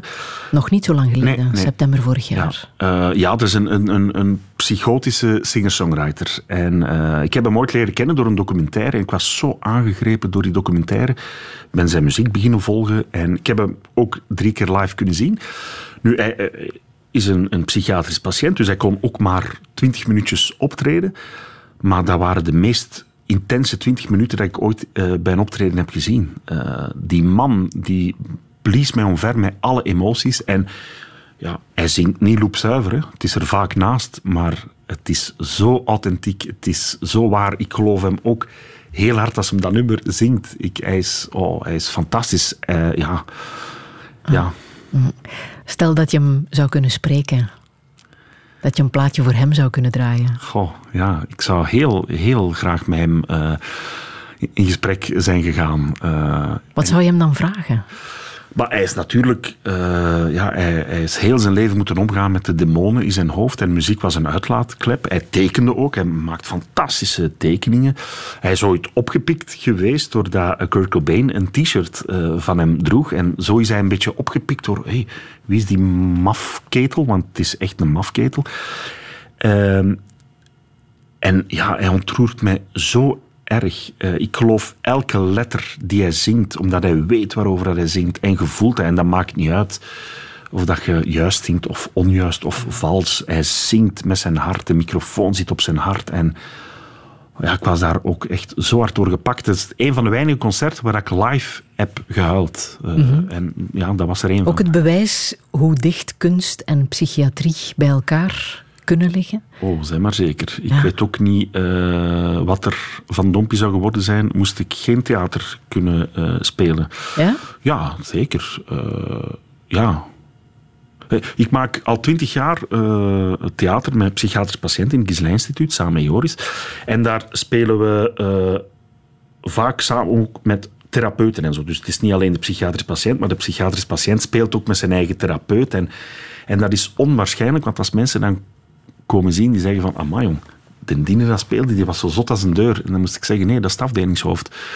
Dus eh, mensen kijken plots anders eh, naar het label patiënt, terwijl de noodzaak om iemand anders te mogen zijn, het zij via muziek, het zij via theater, is torenhoog in de psychiatrie natuurlijk. En dat is waarom dat ik zelf ook graag speel, om niet constant Dominique van Malder te moeten zijn, want dat zou wel heel vermoeiend zijn. Maar elk, elk jaar eh, hebben we een patiënt die onwaarschijnlijk boven zichzelf uitstijgt. Er was ooit een, een, een mevrouw en die, die kon nog niet naar de bakker gaan om, eh, om een brood te gaan halen, omdat zij zo eh, in haarzelf gekeerd was. Ze schaamde zich, ze kon niet met mensen op. En na vijf maanden repeteren zei ze... Dominique, ik ben voor de eerste keer sinds tien jaar sandwichjes gaan halen bij een bakker. Dat is wat dat kunst kan doen en moet doen. En eh, ja, dat is... Ja. En dat is in iemands leven van een psychiatrisch patiënt, maar dat geldt evenveel voor mij. Want ik weet echt niet, moest ik geen theater hebben. Ja. Ben jij zelf ooit in therapie geweest? Ik heb al acht jaar een therapeute. Ja, En dat helpt mij enorm. En daar ben ik heel, heel, heel blij mee. Ja, En kan je zeggen waarom? Waarom dat helend is voor jou? Ik eh, ben in therapie beginnen gaan eh, na mijn scheiding. eh, omdat ik van mezelf geschrokken was.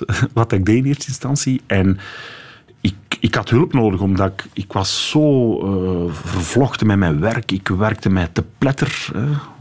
heel veel personages spelen, behalve mezelf. Ik was weinig thuis. Ik, eh, en ik moest een paar dingen op een rijtje zetten. En dat heeft mij heel, heel erg geholpen. En het is ook natuurlijk door papa te worden dat ik natuurlijk ook wel anders naar de dingen eh, kijk. Natuurlijk, want eh, nou, er is er eentje waarvoor je ja, moet zorgen. En die je een warme wereld wilt laten voelen. Maar die wereld is niet altijd warm. En ja, je wilt dan toch een goede papa zijn. Ja. En praten met een therapeut of een psychiater of een eh, psycholoog is nog altijd anders dan praten met een vriend. Zeker. eh, Joris is in mijn geval de beste therapeut en maat eh, die er is. Maar het is toch wel fijn om een extern iemand eh, te kunnen laten helikopteren over uw leven. Want dan merk je ineens van... Oké, daarom dus dit of daarom dus dat. En dat is moeilijker met een vriend, omdat hij ook natuurlijk midden in uw eigen leven zit. En eh, eh, die helikoptervisie is heel belangrijk en heeft mij dingen doen inzien dat ik verbaasd was eh, van, ah ja, tuurlijk, daarom dus. Ja, zoals, als je teruggaat in je eigen leven, kan jij zeggen, daar ben ik toch wel een beetje de verkeerde kant uitgegaan? Ja, ik heb heel, heel lang ge- mij genesteld in fictie, in personages, in en gaan, gaan, gaan met die banaan. En liefst zo hard mogelijk en zoveel mogelijk. Om mezelf niet altijd onder ogen te moeten komen. En op, die balans was helemaal eh, fout natuurlijk. Eh, en dan merkte van, ah ja, maar wacht eens, ik heb die reflex al sinds dat ik zeven jaar was. Want toen was ik ook escapistisch, omdat ik misschien wou vluchten uit een armoedig leven. En je had- dweepte met Jot het hoofd als jonge kerel. zeker wel. Niet dat ik suicidaal eh, eh, was of ben. Niet de meest vrolijke dichter. Nee, eh, maar hij kon ook wel troost bieden. En ja, ik, ik ben verliefd op taal. Ik vind taal Mhm. is mijn minares. Nee, maar ik, ik, Hoofd heeft mij ook heel, heel erg getroost. En oké, ik, ik nam geen drugs en ik was niet suicidaal, maar ik was wel verliefd op zijn ronkende zinnen. En natuurlijk, als 15-jarige, zijn er natuurlijk ook bezig gezien in film The Doors. Je wel geïntrigeerd door mensen die aan de drugs zitten of mensen die, die een zwarte periode uitschrijven. Dus ja, ik ben daar, ja. Maar dat is ook deels vluchten natuurlijk. Ik ben blij dat ik de poëzie en, en de fictie heb gehad in mijn leven. eh, maar soms moet je ook wel ja, uw leven onder ogen eh, zien te komen. En heb moet je niet altijd voor ehm, cynisme? Ehm, ja, ik, ik hoop dat ik dat nooit word, cynisch. En daarom eh, ja, probeer ik toch nog altijd dat jongetje te zijn. Eh, ja, dat kind dat verwonderd naar de wereld kijkt. Want als je dat niet meer kunt, dan word je cynisch, denk ik. Als je niet meer verwonderd kunt zijn van het privilege eh, dat ik heb, namelijk ik heb van mijn hobby mijn beroep kunnen maken. Als je dat niet meer beseft, als je niet beseft in wat voor een luxe wereld dat wij eigenlijk leven, en dus niet in Mossel, de dag dat ik dat niet meer besef, eh, ja, dan, eh, ja, dan, dan hoeft het voor mij niet meer. Ik, ik, wil, ja, ik wil nooit cynisch hoeven te worden. Je Nooit. hebt dat boek van de Franse filosoof Michel Onfray Ja. gelezen. Hè? Ja. Ja. Cynisme, portret van de Hondse filosoof. Ja. Wat heb je daaruit geleerd? Ja, dat was een, eh, op de toneelschool eh, was er een docent en die zei van, dat moet jij eens lezen. Hè. Kunisme eigenlijk, hè. Het, eh, de hondse filosofie. Het ging over Diogenes, die eigenlijk in een ton leefde als een hond, maar die wel de mensheid verblijde met praktische filosofie. Als Plato zei van, de mens is een niet gevederd tweevoetig dier, wat deed Diogenes dan? Dan ging die een kip kaal plukken en zei: Haha, zie hier, de mens. Dus die, die was heel aanstootgevend, maar daardoor liet hij u wel nadenken. En toen ik dat boek heb gelezen, had ik zoiets van: dat is eigenlijk wat ik heel hard wil in dit leven. Stilstaan bij de dingen, erover kunnen nadenken, misschien een balken opwerpen, dat balken komt terug. En ja, ik wil, eh, ja, ik, ik wil mensen ontroeren of doen stilstaan bij, bij schone verhalen. En dat is een beetje mijn bijbel geworden toen der tijd. En ik probeer er nog altijd naar te leven. Eh, ja.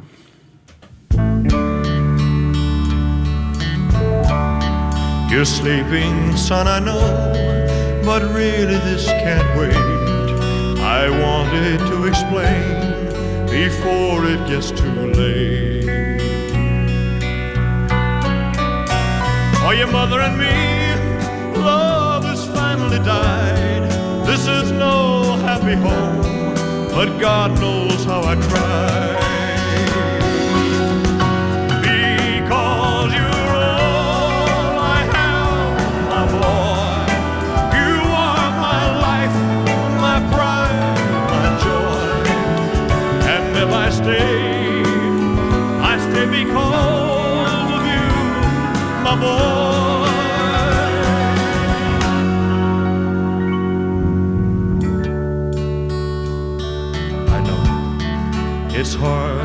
understand why did we ever start? We're more like strangers now, each acting out of war.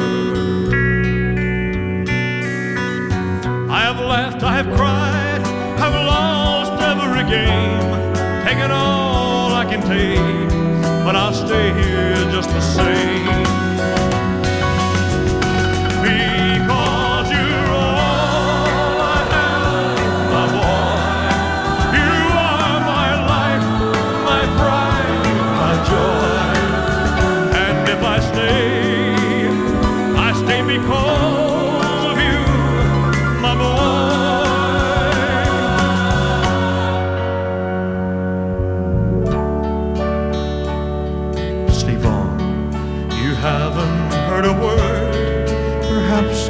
Just as well. Why spoil your little dreams? Why put you through the hell? Life is no fairy tale, as one day you will know. But now you're just a child, so I'll stay here and watch you grow. Because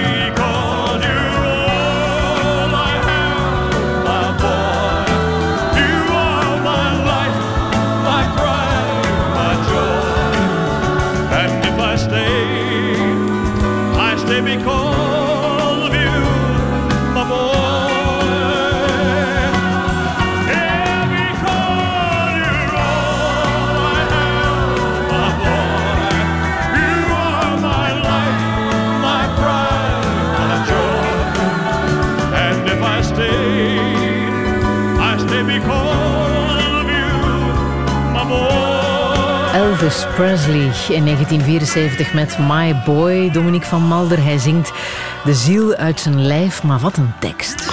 Ongelooflijk, hè? Ja, ik ben altijd al Elvis fan geweest, hè, omdat dat een van de drie platen is eh, die we hadden thuis. Ook lekker dramatisch leven geleid, Elvis. En die een tekst, ja, natuurlijk kende My Boy. En, maar jaren geleden was ik eens in Tenerife op vakantie en er was een eh, soort eh, van Elvis karaokebar. En ik had zoiets van, ja, sorry, hier moet ik als Elvis van zijn, punt. En er was ook een eh, Elvis-imitator. En nadien kon er eh, naar hartelust gekaraokeed worden. En ik was aan de praat geraakt eh, met een of andere dronken Brit. Die zei, ja, ik zing ook graag. En ik zeg, ja, ik zing ook heel graag, maar dan liefst onder de douche. Of... En die sleurde mij mee op het podium. Ik heb daar samen met John Denver gezongen ja, vreselijk nummer. Eh, eh, en eh, ja, ik heb mijn moed ingedronken en ik zeg van kom, ik ga toch eens een Elvis zingen. My boy. En er was een moment, ineens drong die tekst zo hard binnen bij mij. Ik zag ineens mezelf staan zingen. en ja, ik, heb daar, ja, ik, was, ineens zwaar getoucheerd door dat nummer, terwijl ik dat natuurlijk wel al kende. Maar ineens werd die tekst zo concreet. Ja. Dat gaat over ik blijf bij de moeder van mijn zoon. Ja. Ja. En, Omdat ik de zoon graag zie. ja, Maar met de moeder gaat het iets minder. ja. En eh, ja, voilà. Ik, eh, ik ben ook een gescheiden man. Ik heb, eh, ik heb de moeder van mijn kind ook verlaten. En ik heb me er heel lang schuldig over gevoeld. Ehm, en ja, dan komt zo'n nummer ja, extra binnen natuurlijk. Hè. Dan krijgt dat ineens een Dominicaanse lading in mijn geval. En, eh, Maar blijven was geen optie. maar ik was, eh, zoals ik daarnet al vertelde, ik was heel hard, eh, want ik verwijt mijn ex voor alle duidelijkheid niks. Ik was ook een ander iemand. Ik was ook heel erg aan het vluchten. Ik was heel erg met mijn werk bezig en ik voelde me ook niet goed in mijn vel. Ik heb ook te weinig op tafel geklopt van ik, ik, ik wil dat het anders wordt, omdat ik er natuurlijk nooit was. En als ik er was thuis, dan wou ik ook geen ruzie maken of discussiëren. Dus ik heb, ik heb dat heel lang tegengehouden tot op het moment dat ik zei van eh, sorry, ik, het gaat niet meer eh, eh, voor mij. En ik schrok zelf van die uitspraak natuurlijk. En ik heb jaren, heeft dat schuldgevoel mij heel veel parten gespeeld. En heb ik heel lang eh, met dat schuldgevoel geworsteld. En vanuit dat schuldgevoel ook gaan handelen. Als papa ook, want ja, ik ben degene die weg is gegaan. En je wordt ook plots een dader, terwijl dat je alleen maar vader wilt zijn eigenlijk. Ja, dat zijn heftige momenten geweest. Ja. Ja. Hoe gaat het met jouw zoon ondertussen? Geweldig, ja. Het is, het is een topkerel. Ja, het is, oh, ik ben zo verliefd eh, op mijn zoon. Eh, het gaat heel goed. En, en hij is nu ook, hij wordt tien deze zomer. En het is ook heel leuk om hem natuurlijk mee te pakken op, naar Studio Orca. En, en dat is, dat is, dat is heerlijk, ja. Het is, het is Je noemt hem jouw favoriete kunstwerk. Ja, nee, maar ja, ik, ik, ik, hij is zo een, eh, ja, het is zo'n intelligente kerel, hoe hij naar het leven kijkt, hoe hij, ja, natuurlijk iedereen zegt dat over zijn kind, dus ik zeker. Maar ja, hij is, ja, hij doet mij dingen inzien die ik, waar ik zelf eh, niet, niet achter kom. Hij, hij, hij laat me naar de dingen kijken. Dat is natuurlijk die kinderlijke bril en ja, het is, Jack is een kunstwerk. In hoeverre lijkt hij op jou?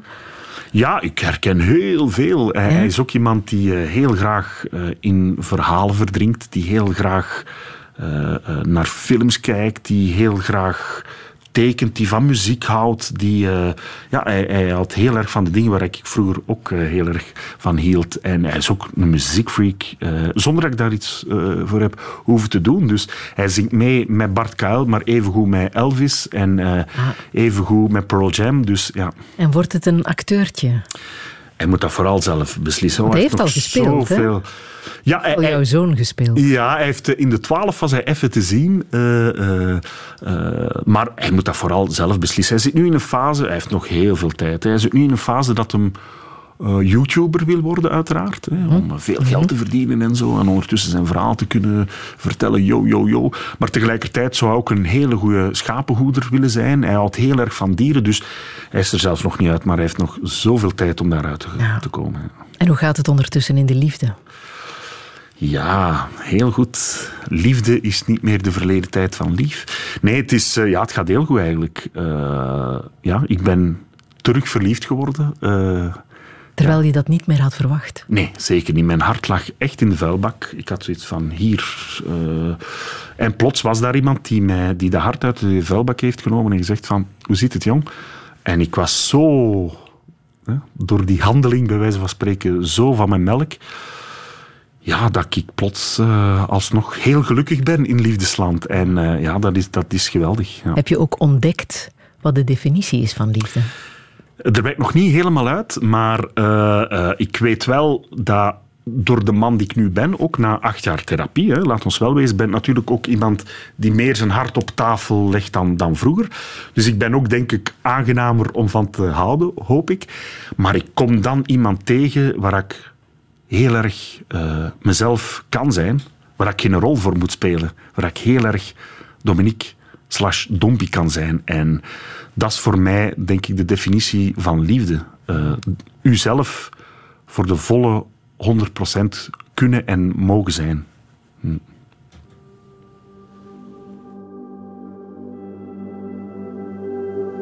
As I walk through this wicked world, searching for light darkness of insanity, I ask myself, is all hope lost? Is there only pain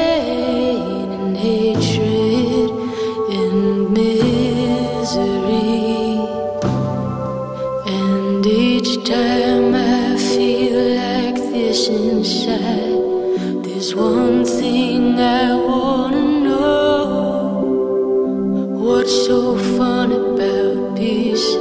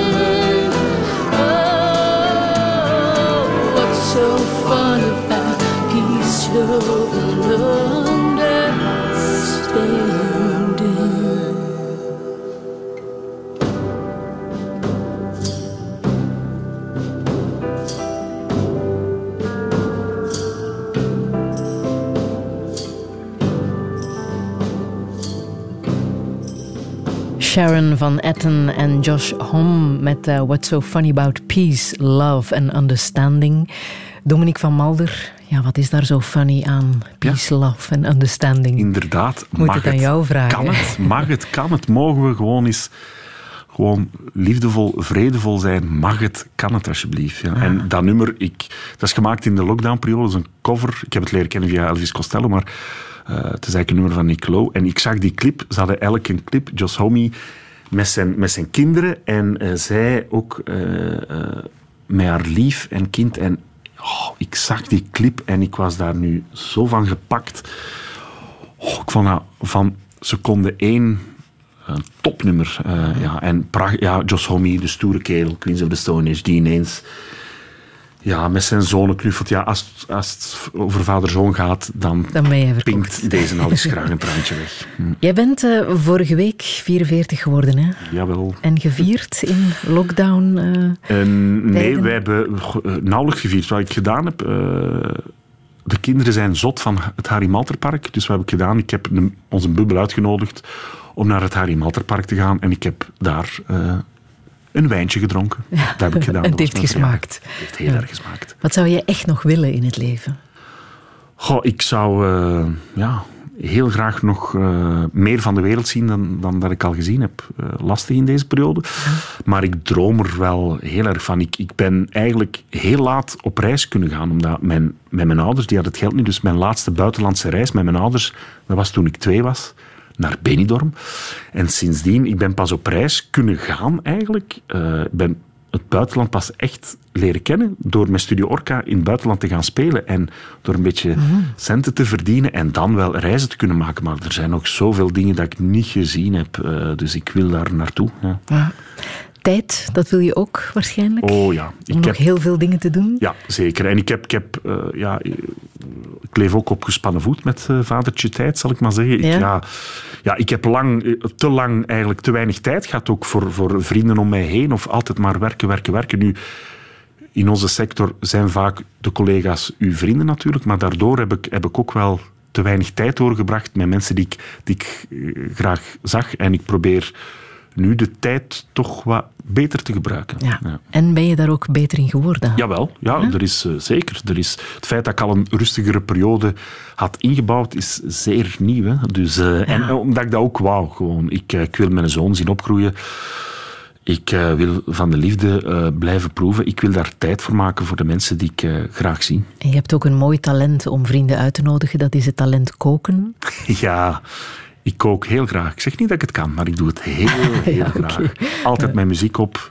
heerlijk, ja. ja. Een vraag die je waarschijnlijk van heel veel mensen krijgt, maar ik zal ze toch niet laten liggen. Komt Radio Gaga terug? info.vrt.be. Nee, uh, komt Radio Gaga terug. Joris en ik hadden heel veel zin eigenlijk om uh, een coronaproeve Gaga te maken. Dat is jammer genoeg uh, niet gelukt. Maar uh, we zijn wel met andere dingen bezig. Want het project zelf is ondertussen internationaal aan het ja, gaan. Hè? Tot in Japan zelfs. Zeker. Uh, hebben ze de ja. Japanse Dompi en, uh, en Hessie gemaakt. Ja. Heerlijk, heerlijk. In Spanje zijn ze aan het seizoen 5 bezig. en het is ook door de Spanjaarden dat we ineens dachten van oh, maar die hebben nog wel een paar fijne plekken gedaan die wij misschien willen doen. Maar voorlopig komt het er niet. Maar we hebben wel, Joris en ik hebben wel heel wat plannen voor de boeg. Ja. Onder andere een plan voor deze zomer al, hè? Ja, ja. we gaan uh, blockbusters uh, doen. Uh, dat samen met VZ2 Cirk. Gaan we eigenlijk van radiootje en tv'tje spelen voor sociale woonblokken. we hebben gisteren bijvoorbeeld een sociale woonblok in Gent. Hebben we eigenlijk radio gemaakt. voor de mensen daar. Exclusief voor de mensen van de sociale woonblokken die niet op reis kunnen gaan. En uh, ja, voilà, wij doen hen een beetje op reis gaan door uh, leuke muziekjes, fijne rubriekjes, met hen te gaan praten. en dat doe je een hele zomer lang? Ja, we gaan, we gaan verschillende plekken in Dendermonde, Gent, Oostende. ja. Maar dat is exclusief, daar ja, kunnen ja. mensen niet naar nee, komen het is kijken. exclusief voor de bewoners daar. En misschien komt er ooit nog een televisioneel luik uit, wie zal het zeggen. Nou, welke boodschap wil jij hier nog meegeven? Ja, ik ben iemand die zijn boodschappen meestal in de supermarkt uh, doet. Maar kom, als ik dan toch eens een boodschap mag meegeven. Ik, ja, ik heb zoiets van... mens durft te leven. Eh, ik heb zoiets van, kom aan, kijkt het leven recht in de ogen en uh, durft schaamteloos te leven. Zullen we dat dan ook nog doen met het laatste nummer dat ik hier heb klaarstaan en dat oh. jij hebt uh, voorgesteld? André Hazes met De Vlieger. Zeker wel. Oh, man, man, man. André Hazes. Oh, ik kan me zo ontroeren. En oké... Okay, een beetje de Nederlandse Elvis Presley, hè? Ja, want zijn rijmschema's ja, kloppen niet altijd. Zijn zinsconstructies zijn ook uh, niet ditje dat, maar hij kan mij zo ontroeren. Uh, ik vind, oh man, ik vind het een heerlijke zanger. Volumeknop op 10 en wij doen een afstandsdansje? Zeker, absoluut. okay.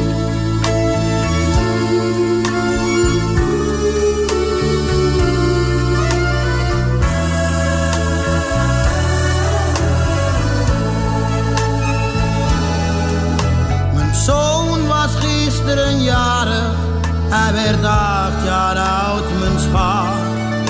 Hij vroeg aan mij een vlieger en die heeft hij ook gehad. Naar zijn bal, zijn fiets, treinen, nee daar keek hij niet naar om.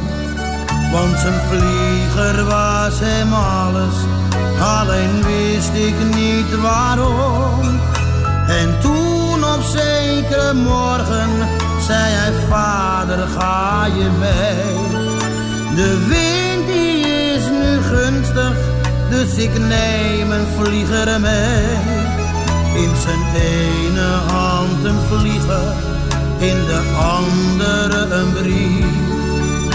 Ik kon hem niet begrijpen, maar toen zei mijn zoontje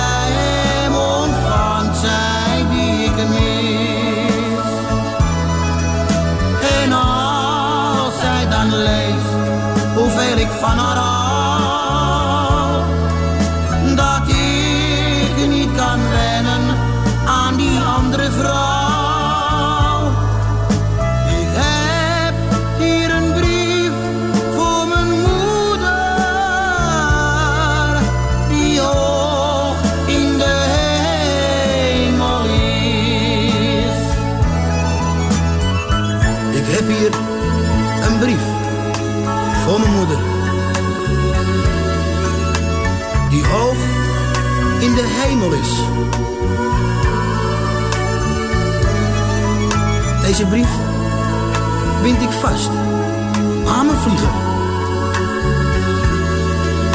Tot zij hem ontvangt. Zij die ik mis.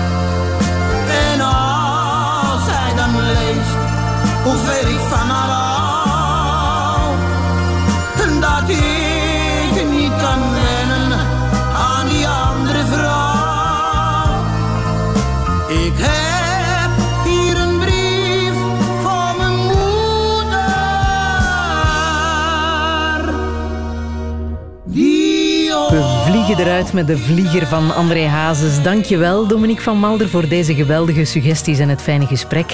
Dit was de laatste touché van dit seizoen. Vanaf volgende week komt Frank van der Linden hier zijn allermooiste plaatjes draaien. Maar dat betekent niet dat je touché-loos door de zomer moet. Alle afleveringen, en dat zijn er 328, staan opgelijst op onze website radio1.be. 650 uur radio. Het schoonste wat er is, toch? Hè? Fantastisch. Herbeluister touché via de podcast, de Radio 1-app en radio1.be.